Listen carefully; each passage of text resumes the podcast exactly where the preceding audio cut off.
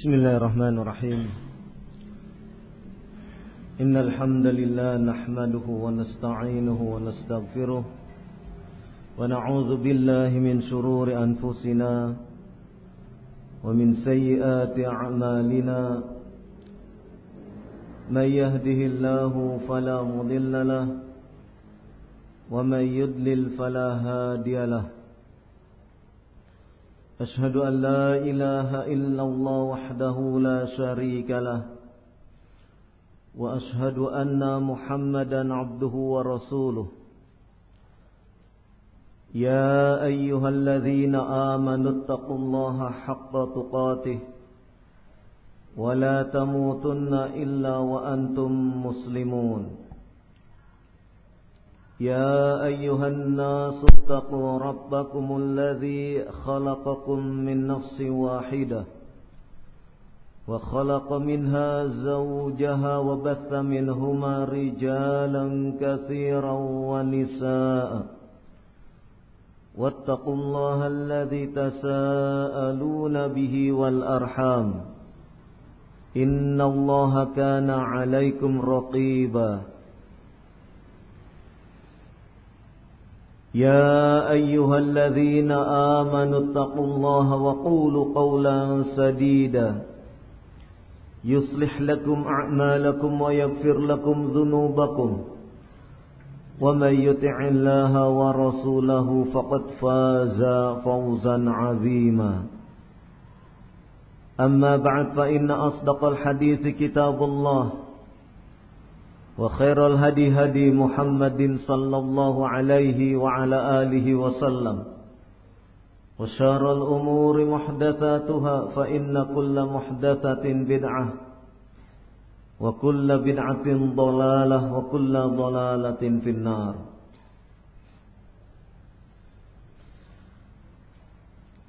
Sebagaimana kita maklumi bersama di negeri ini, negeri yang kita cintai. Di beberapa tempat terjadi berbagai musibah. Di Lombok, di Palu, Donggala dan sekitarnya.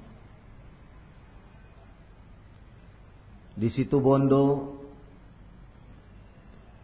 dan sekitarnya di Manado bahkan di Aceh.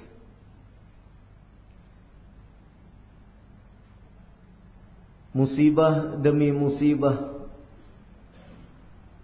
datang menerpa negeri kita.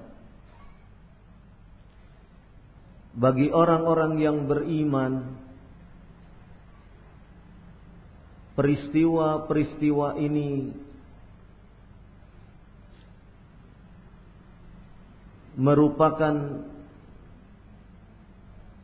ujian. Ujian untuk mengukur sampai sejauh mana keimanan yang telah terhunjam di dalam sanubari untuk menguji sampai sejauh mana tingkat ketakwaan yang ada pada diri masing-masing. Karena sesungguhnya bila penduduk satu negeri beriman dan bertakwa niscaya Allah Subhanahu wa taala akan membukakan keberkahan-keberkahan dari langit dan dari bumi. Allah Subhanahu wa taala berfirman, "Walau anna ahlal qura amanu wattaqau لفتحنا عليهم بركات من السماء والأرض Al-ayah Seandainya penduduk satu negeri beriman dan bertakwa. Sungguh kami akan bukakan keberkahan-keberkahan dari langit dan bumi. Apa itu berkah? Berkah itu dari kata al-birkah yakni majma'ul khair kumpulan kebaikan demi kebaikan. Yang ada adalah kebaikan demi kebaikan. Seandainya penduduk satu negeri beriman dan bertakwa Sungguh kami akan bukakan kebaikan demi kebaikan atas diri mereka yang kebaikan-kebaikan tersebut berasal dari langit dan bumi. Allah Subhanahu wa taala mengirimkan kebaikan demi kebaikan itu melalui langit dan bumi. Inilah barokat keberkahan. Satu di antaranya keberkahan dari langit Allah menurunkan curah hujan. Yang dari curah hujan itu kemudian akan tumbuh berbagai macam tumbuhan, berbagai macam keperluan-keperluan yang diperlukan oleh manusia untuk kehidupannya. Inilah keberkahan negeri yang damai, negeri yang aman. Sehingga dengan kebaikan demi kebaikan yang Allah berikan kepada penduduk satu negeri maka kebaikan itu akan terus berlangsung kebaikan itu akan terus bisa dipetik oleh penduduk satu negeri tersebut jadi manakala kita menghendaki kebaikan bagi negeri ini. Hendaknya pula negeri ini memancangkan tiang-tiang keimanan. Tonggak-tonggak ketakwaan benar-benar kukuh ditanam di setiap sanubari penduduk negeri tersebut.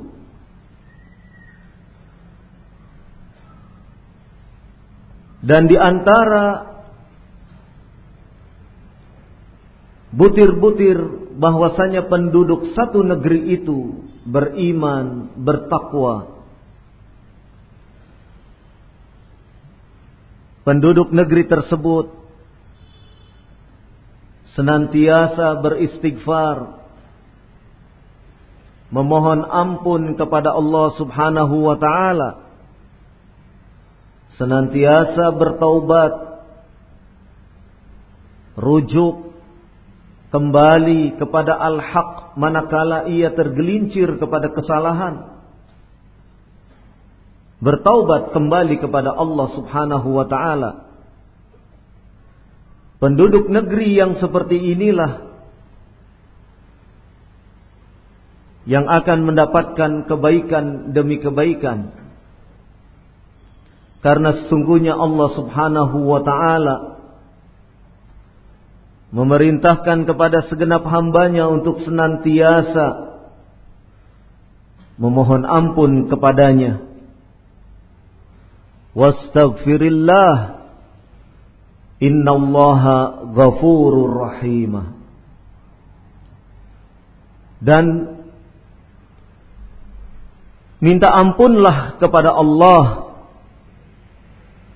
Sesungguhnya Allah Maha Pengampun lagi Maha Penyayang. Demikianlah perintah Allah Subhanahu wa taala agar kita senantiasa beristighfar memohon ampun kepada Allah Subhanahu wa taala dan demikianlah salafun saleh memberikan contoh kepada kita. Seperti Abdullah ibn Umar radhiyallahu anhuma. Beliau adalah sosok orang-orang soleh yang terdahulu yang menghabiskan malam-malamnya dengan ruku dan sujud kepada Allah Subhanahu wa taala.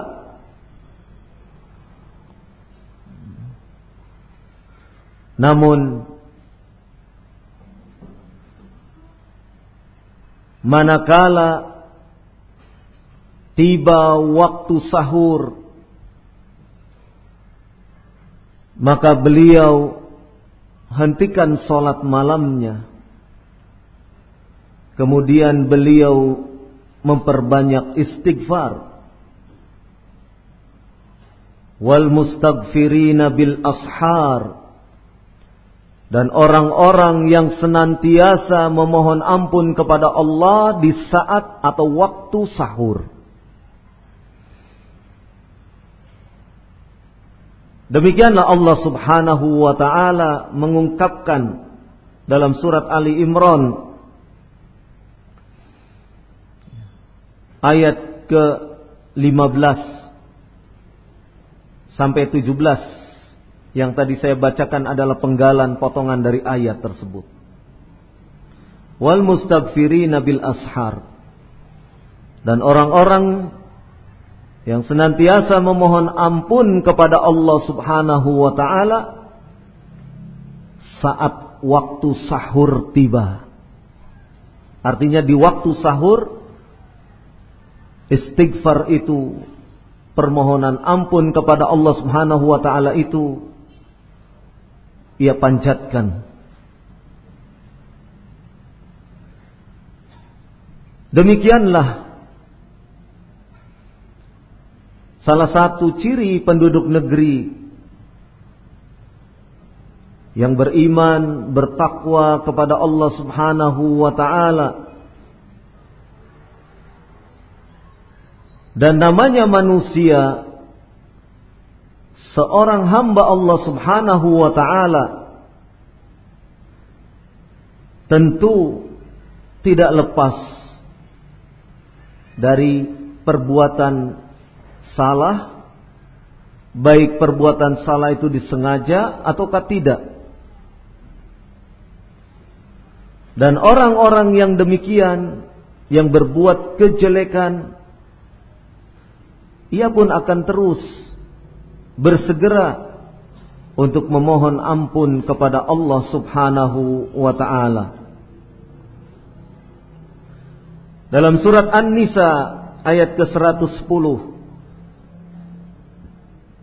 Allah Subhanahu wa taala menggambarkan orang-orang yang tergelincir kemudian ia kembali kepada Allah beristighfar. Wa may ya'mal su'an aw yadlim nafsahu thumma yastaghfirillaha yajid yajidillaha ghafuran rahimah Barang siapa yang melakukan perbuatan yang buruk atau menganiaya, mendolimi dirinya. Kemudian ia beristighfar, memohon ampun kepada Allah Subhanahu wa taala. Ia akan mendapati Allah Subhanahu wa taala yang maha pengampun dan maha penyayang. Dan melalui istighfar ini pula Allah tidak akan mengazab, menyiksa satu kaum, satu penduduk negeri. Manakala kaum atau penduduk negeri tersebut senantiasa beristighfar, memohon ampun kepada Allah Subhanahu wa taala. Sebagaimana di dalam surat Al-Anfal ayat ke-33 Allah Subhanahu wa taala berfirman, "Wa ma kana Allahu yu'adzibahu liyu'adzibahum wa anta fihim." Wa ma kana Allahu mu'adzibahum wa hum yastaghfirun. Dan tidaklah Allah tidak akan mengazab terhadap diri mereka sementara engkau Muhammad sallallahu alaihi wa ala alihi wasallam berada di tengah-tengah mereka. Dan Allah Subhanahu wa taala tidak akan mengazab terhadap mereka sementara mereka senantiasa beristighfar memohon ampun kepada Allah Subhanahu wa taala. Inilah keutamaan istighfar. Inilah keutamaan permohonan ampunan terhadap adzunub, dosa-dosa yang diperbuat oleh seorang hamba. Allah tidak akan mengazab, Allah tidak akan menyiksa mereka ketika mereka masih beristighfar, masih memohon ampun kepada Allah Subhanahu wa taala. Bila Rasulullah sallallahu alaihi wa ala alihi wasallam sosok seorang hamba Allah Subhanahu wa taala yang telah mendapatkan pengampunan dosa yang telah lalu dan dosa yang akan datang masih terus beristighfar. Di dalam hadis yang sahih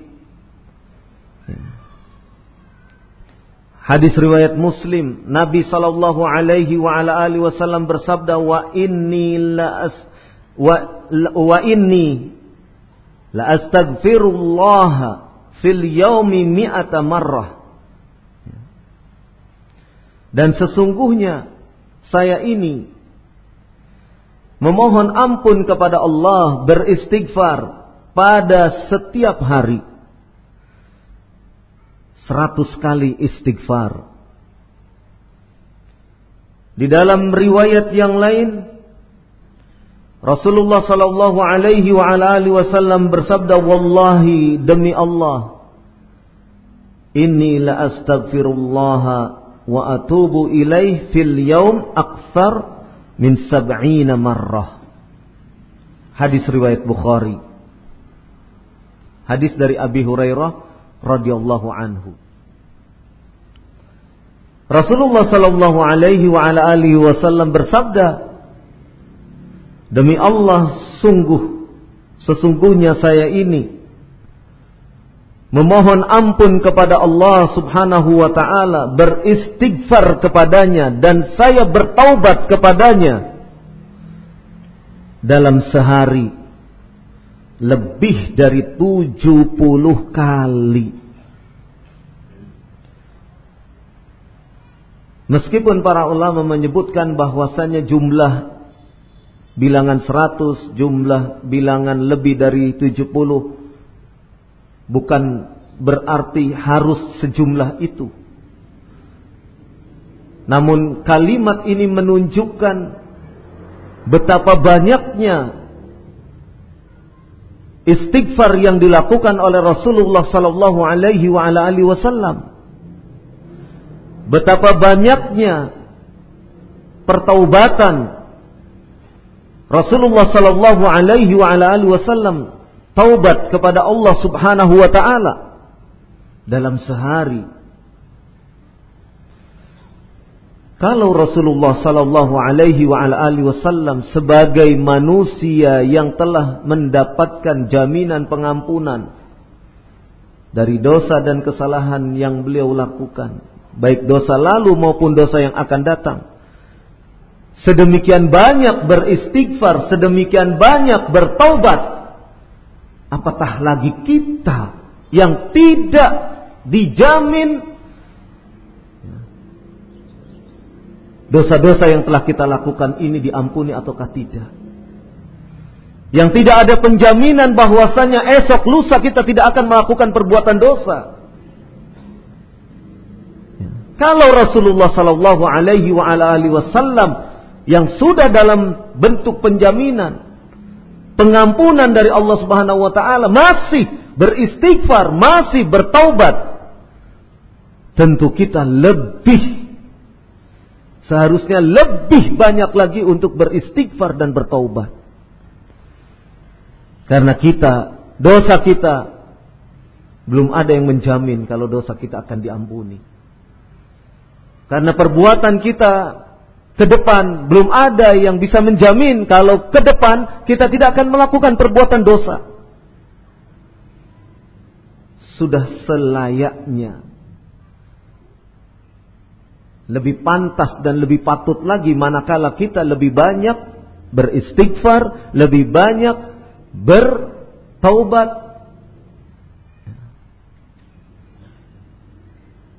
Namun sifat manusia terkadang penuh kelalaian. Waktu-waktu yang lengang, waktu-waktu yang luang, kadang berlalu begitu saja. Padahal di saat waktu luang itu kita bisa mengucapkan sepatah dua patah kata, memohon ampun kepada Allah Subhanahu wa taala, mengucapkan astagfirullah wa atubu ilaih Astaghfirullah wa atubu ilaih. Astaghfirullah wa atubu ilaih. Hanya beberapa detik. Istighfar dan taubat itu bisa kita ucapkan. Istighfar dan taubat itu bisa kita panjatkan kepada Allah Subhanahu wa taala. Namun sekali lagi, kehidupan manusia banyak dilalaikan oleh kehidupan dunia.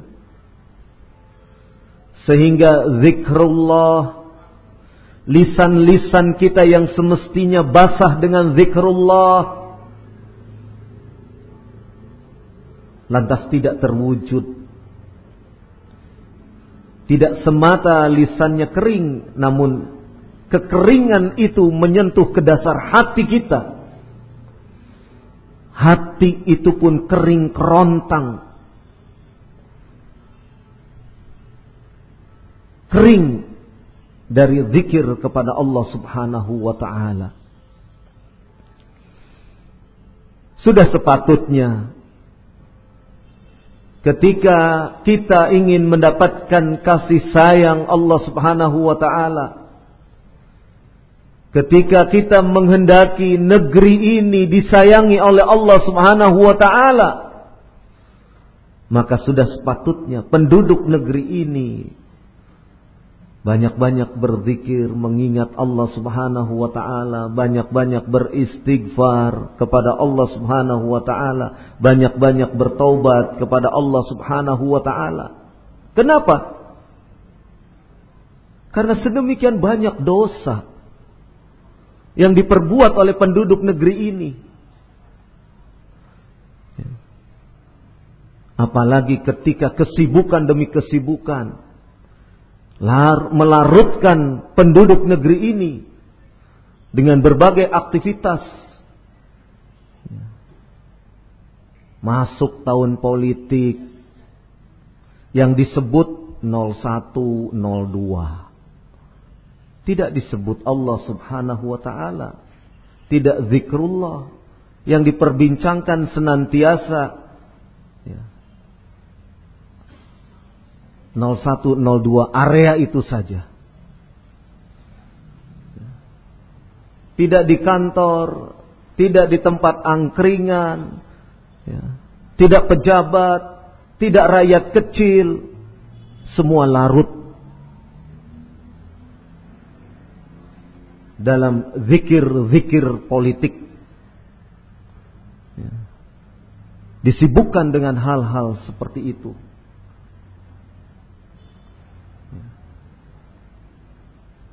Seperti wabah. Seperti wabah yang menggerogoti setiap kalbu penduduk negeri. Seakan menu kehidupan hanyalah berpusar di dalam permasalahan politik.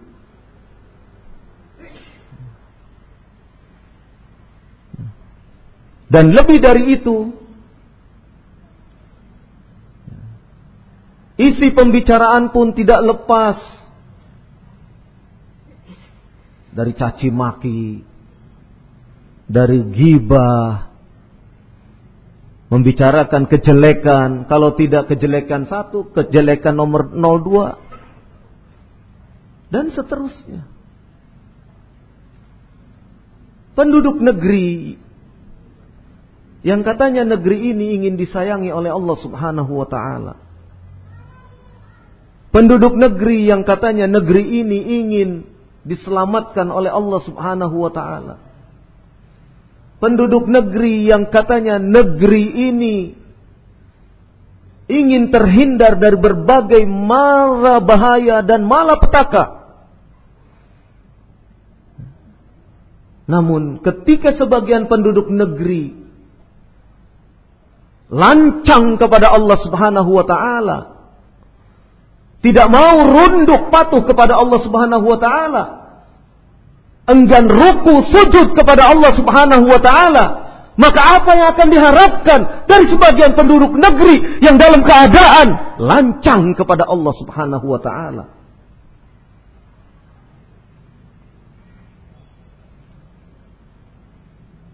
Bukankah sudah diingatkan oleh Allah Subhanahu wa taala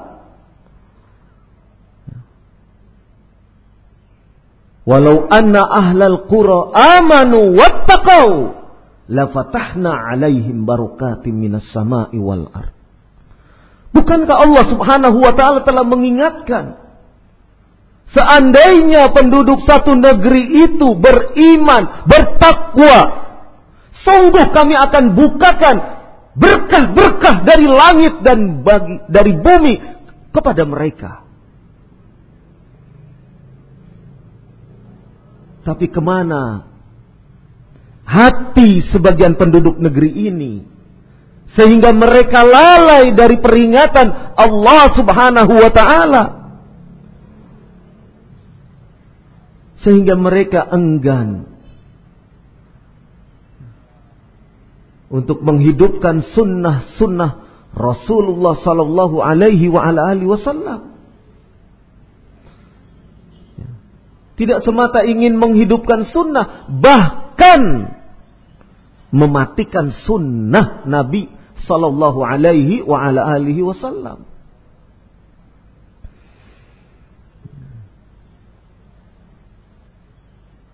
Sudah sepatutnya manakala kita menghendaki kasih sayang Allah Subhanahu wa taala pada diri kita ataupun pada negeri kita sudah sepatutnya manakala kita sebagai penduduk negeri ini dan seluruh segenap penduduk negeri ini senantiasa taqarrub ilallah mendekatkan diri kepada Allah Subhanahu wa taala. Jangan kemudian perbuatan-perbuatan yang sifatnya mendolimi Allah Subhanahu wa taala itu yang dihidup-hidupkan. Ya. Hanya dengan sebab menginginkan income pendapatan daerah. Lantas kemudian hal-hal yang bertentangan dengan perintah Allah dan Rasulnya dihidup-hidupkan. Jangan hanya lantaran ingin menarik wisatawan, kemudian berbagai kesyirikan yang tadinya sudah nyaris luput, habis di tengah masyarakat, kemudian dihidup-hidupkan kembali. Walaupun kesyirikan itu dibalut dengan bahasa budaya. Kesannya menghidupkan kebudayaan. Menghidupkan budaya lokal. Sungguh kita bukan termasuk orang yang arif terhadap ya, sesuatu ya, yang hidup di satu daerah sementara yang dihidup-hidupkan adalah sesuatu yang bertentangan dengan Allah Subhanahu wa taala, dengan perintah Allah Subhanahu wa taala. Allah Subhanahu wa taala memerintahkan wa'budullaha wa la tusriku bihi syai'a. Beribadahlah kalian kepada Allah, sembahlah oleh kalian Allah Subhanahu wa taala saja dan janganlah kalian menyekutukan Allah Subhanahu wa taala syai'a dengan sesuatu pun.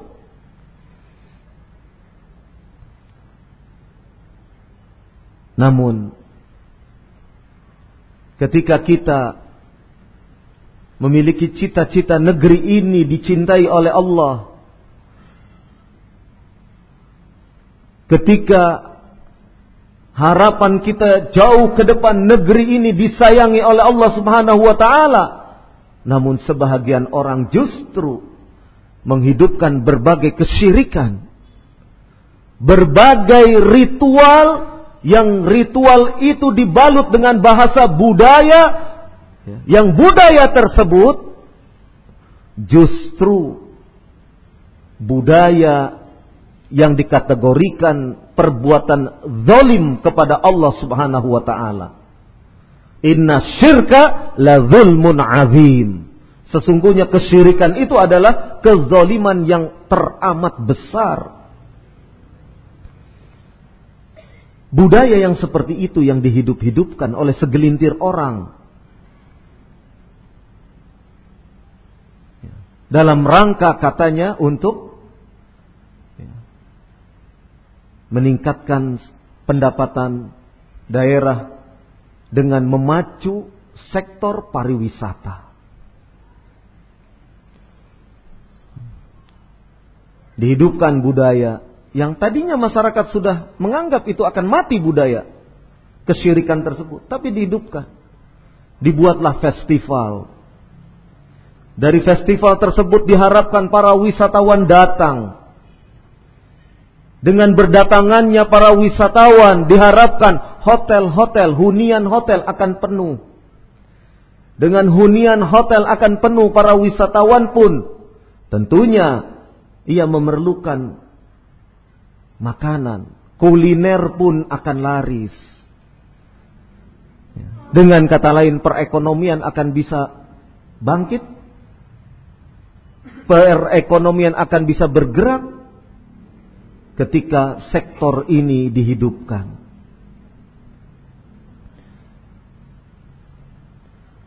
Namun sayang, ketika yang dihidupkan ini adalah hal-hal yang bertentangan dengan syariat.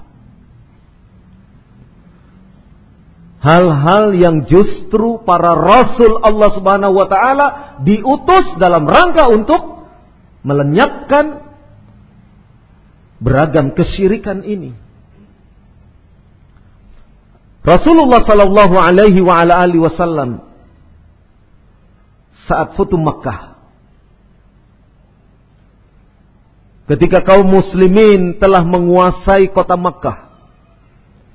Maka Rasulullah sallallahu alaihi wa alihi wasallam mengutus sahabat yang mulia Khalid bin Walid radhiyallahu anhu. Ke mana Khalid bin Walid radhiyallahu anhu diutus? Khalid bin Walid radhiyallahu anhu diutus oleh Rasulullah sallallahu alaihi wa alihi wasallam ke Wadi Nakhlah. Yaitu sebuah lembah yang terletak di antara kota Makkah dan kota Taif. Ada apa di sana? Di lembah tersebut ada apa? Di lembah tersebut ada berhala yang dikenal di kalangan orang-orang Arab Quraisy berhala tersebut diberi nama Al-Uzza. Ada berhala besar di kalangan mereka, Lata, Uzza, Mana. Nah, yang terletak di lembah tersebut adalah Uzza. Apa itu berhala Uzza? Al-Uzza adalah berhala yang wujudnya adalah pohon salam. Pohon salam, pohon inilah yang dijadikan rujukan penduduk jahiliyah. Mereka mendatangi pohon tersebut dengan membawa berbagai macam sesaji. Mereka minta kepada pohon tersebut minta keselamatan, minta kebaikan dan seterusnya dan seterusnya. Dan di pohon tersebut ada yang bau rekso. Yaitu jin, jin perempuan. Maka Khalid bin Walid radhiyallahu anhu diutus oleh Rasulullah sallallahu alaihi wasallam untuk menghabisi pohon tersebut dan jin yang menetap di pohon tersebut. Jin perempuan yang menetap di pohon tersebut. Kenapa demikian? Karena pohon ini dijadikan sebagai ritual bagi sebahagian masyarakat Quraisy. Dan Rasulullah Sallallahu Alaihi Wasallam diutus ke segenap umat manusia, ke kalangan jin dan manusia, di antaranya dalam rangka untuk mendakwahkan tauhid agar manusia dan jin mengesahkan Allah Subhanahu wa taala. Dan segala sesuatu yang akan menjadikan pengesaan terhadap Allah Subhanahu wa taala ini bisa merusak atau bisa dirusak pengesaan kepada Allah Subhanahu wa taala ini, maka segala sesuatu yang bisa merusak, merusak tauhid disingkirkan oleh Rasulullah sallallahu alaihi wasallam. Termasuk di antaranya berhala Al-Uzza ini yang wujudnya adalah pohon. Demikianlah Rasulullah sallallahu alaihi wasallam.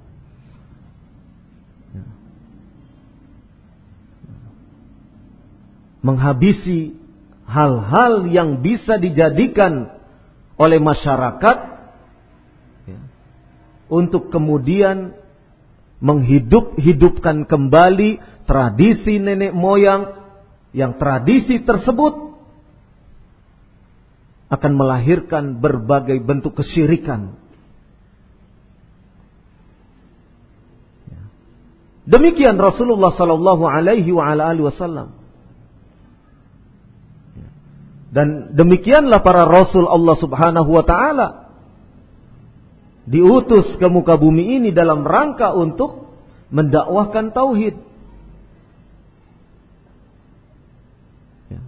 Sebagaimana Allah Subhanahu wa taala berfirman, "Walaqad ba'atsna likulli ummatin rasulan an i'budullaha wajtanibut tagut." Sesungguhnya kami telah mengutus pada setiap umat seorang rasul. Apa tugasnya rasul tersebut? Ani'budullaha wajtanibut tagut. Tugas seorang rasul itu yaitu menyerukan, mengajak kepada manusia, mengajak kepada kaumnya, mengajak kepada para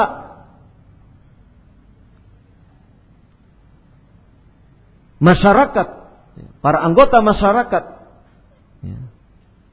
untuk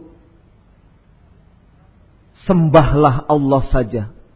Beribadahlah hanya kepada Allah saja. Wajtanibu togut. Dan jauhi tinggalkan togut. Yaitu segala bentuk berhala. Segala macam bentuk penyembahan yang ditujukan kepada selain Allah subhanahu wa ta'ala. Demikianlah dakwah Rasulullah sallallahu alaihi wasallam. Jadi kalau kaum muslimin berupaya untuk mencegah kesyirikan dengan cara yang hikmah, dengan cara yang santun, nasihat yang mulia, dengan cara memberi nasihat yang baik, maka jangan kemudian dituduh kaum muslimin yang seperti ini sebagai kaum yang intoleran.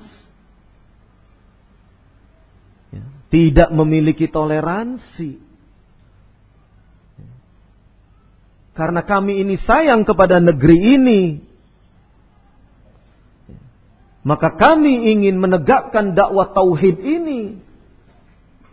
Kami ingin mendakwakan kalimat la ilaha illallah dan ketika kami mendakwakan kalimat la ilaha illallah, tolong jangan kami dituduh sebagai orang yang mengikuti faham HTI.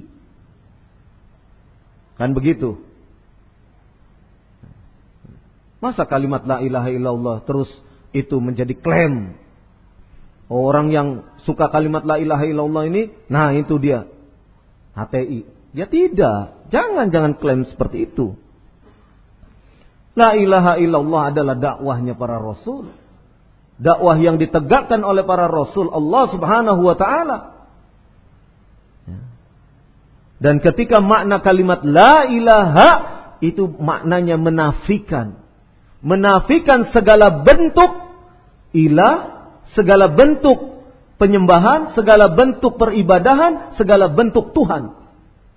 Yang tidak berhak untuk diibadahi illallah kecuali hanya Allah Subhanahu wa taala saja.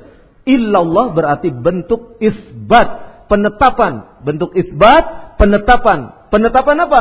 Yang hanya disembah, yang hanya diibadahi secara hak hanya Allah Subhanahu wa taala. Adapun yang lain tidak berhak untuk diibadahi.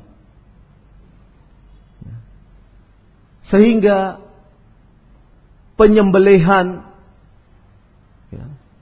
Penyembelihan itu pun ditujukan kepada Allah Subhanahu wa taala. Menyembelih kambing, menyembelih kerbau. Ya. Lillahi Rabbil Alamin. Hanya ditujukan kepada Allah, Rabb semesta alam. Allah Subhanahu wa taala berfirman, "Qul inna salati wa nusuki wa mahyaya wa mamati lillahi Rabbil Alamin." Katakanlah sesungguhnya solatku, wanusuki. Wanusuki itu apa? Adzabihah, penyembelihan. Penyembelihanku. Hidupku dan matiku. Lillahi Rabbil Alamin. Hanya bagi Allah, Rabb semesta alam. Allah subhanahu wa ta'ala berfirman, Fasalli li rabbika wanhar.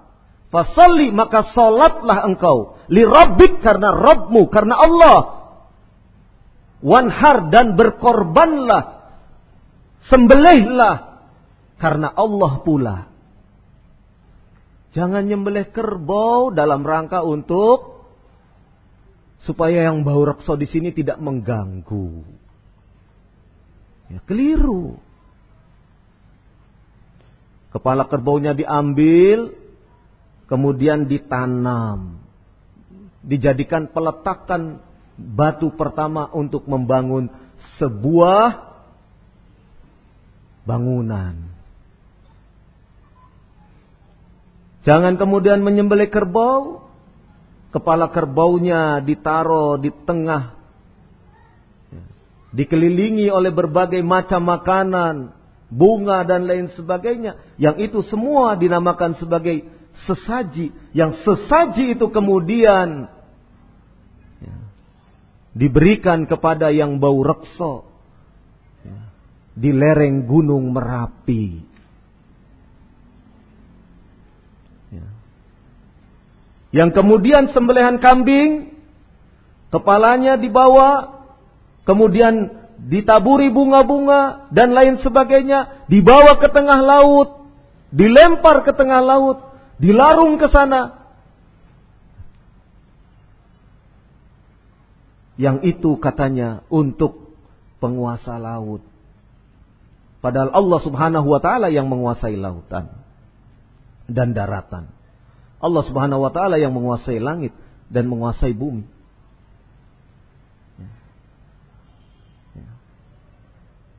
Itu yang terjadi. Dan yang kita bisa dapatkan informasinya yang valid bagaimana festival nomoni di kota Palu di antaranya ada penyembelihan-penyembelihan yang penyembelihan tersebut diperuntukkan bagi yang bau rekso lang, laut sana.